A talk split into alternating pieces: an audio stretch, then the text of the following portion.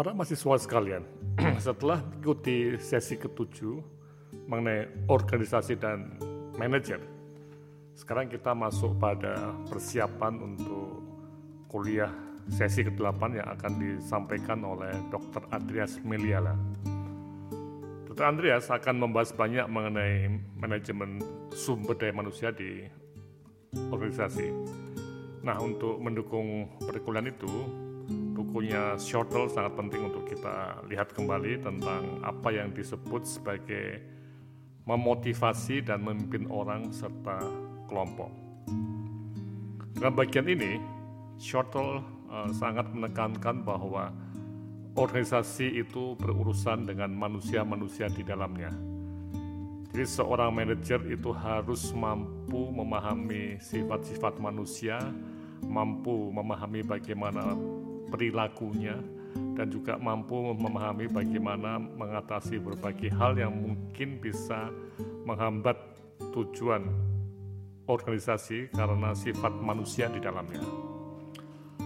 Oleh karena itu, uh, di dalam bukunya Sortel itu ada bab 3 yang membahas mengenai bagaimana memotivasi uh, orang lain. Kemudian juga bagaimana memberikan arah atau kepemimpinan di dalam organisasi ini di bagian keempat dan yang di bagian kelima itu membahas mengenai manajemen konflik dan negosiasi yang memang diperlukan untuk mengelola manusia yang ada di organisasi. Oke, saya akan mulai dengan memotivasi manusia. Nah, ini sesuatu yang cukup menarik karena manusia itu pada dasarnya berbeda-beda. Nah, ini sehingga kita perlu betul melihat apa yang menjadi dasar teori motivasi ini.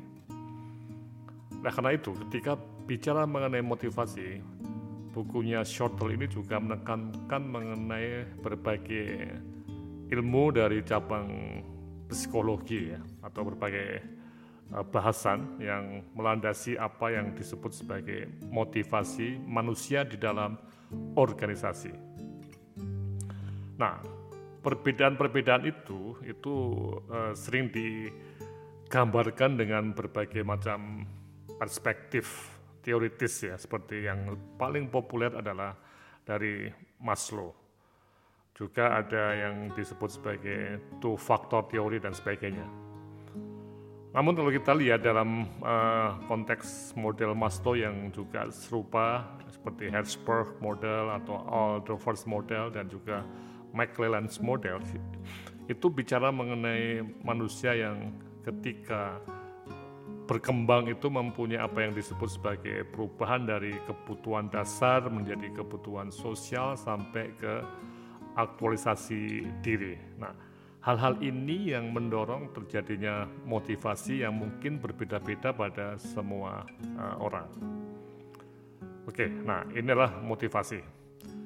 Kemudian bukunya Shortle juga menekankan mengenai apa yang disebut sebagai kepemimpinan atau leadership. Jadi leadership ini bagian penting dalam peran seorang atau fungsi peran seorang manajer untuk mengelola manusia di dalam organisasi dan sering disebut sebagai uh, aset yang paling berharga dari kemampuan manajerial. Di bukunya Shortle juga dibahas mengenai bagaimana kepemimpinan itu bisa dikembangkan. Apakah ini sebuah pakat yang memang diturunkan sebagai suatu genetik uh, factor atau mungkin juga terkait dengan argumen yang menyatakan bahwa tidak hanya cukup bakat tapi juga pengembangan-pengembangan ataupun pelatihan-pelatihan untuk uh, merawat ya me, membuat lebih bagus kemampuan leadershipnya ini. Namun juga ada satu argumen tidak hanya masalah uh, pengembangan, tapi juga situasi yang pas atau memungkinkan untuk mengembangkan kepemimpinan. Oke, jadi sekali lagi bahwa kepemimpinan itu banyak sekali uh, teorinya juga dan kita perlu memilih mana yang teori yang uh, kita yakini bisa menggambarkan uh, leadership. Kemudian juga tolong dilihat betul bahwa sekarang dalam konteks uh, sektor kesehatan yang lebih banyak wanita sekarang, kita perlu juga untuk membahas mengenai kepemimpinan dan masalah gender di pelayanan kesehatan. Dan tentunya juga memimpin para klinisi.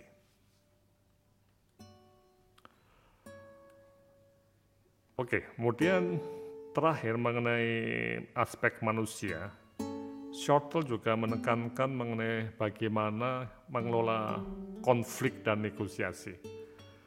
Jadi ini yang uh, bagian yang mungkin tidak menyenangkan dari dinamika sumber daya manusia, yaitu selalu ada konflik-konflik yang timbul karena memang anggotanya itu berbeda-beda.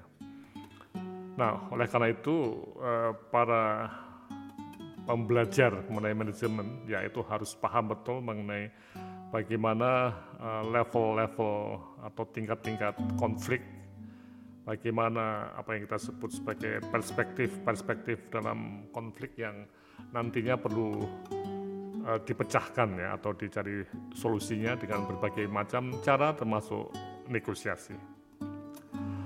Oke, saya kira ini satu hal yang cukup penting ketika membahas manajer sebagai pengelola atau pengatasan eh, konflik itu bisa menjadi seorang mediator atau arbitrator atau mungkin juga menyelidiki ya.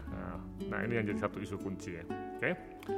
Oke, saya kira ini yang penting bahwa ketika masuk pada aspek manusia di dalam organisasi itu seorang manajer harus betul-betul uh, apa ya akrab dengan ilmu-ilmu uh, psikologi.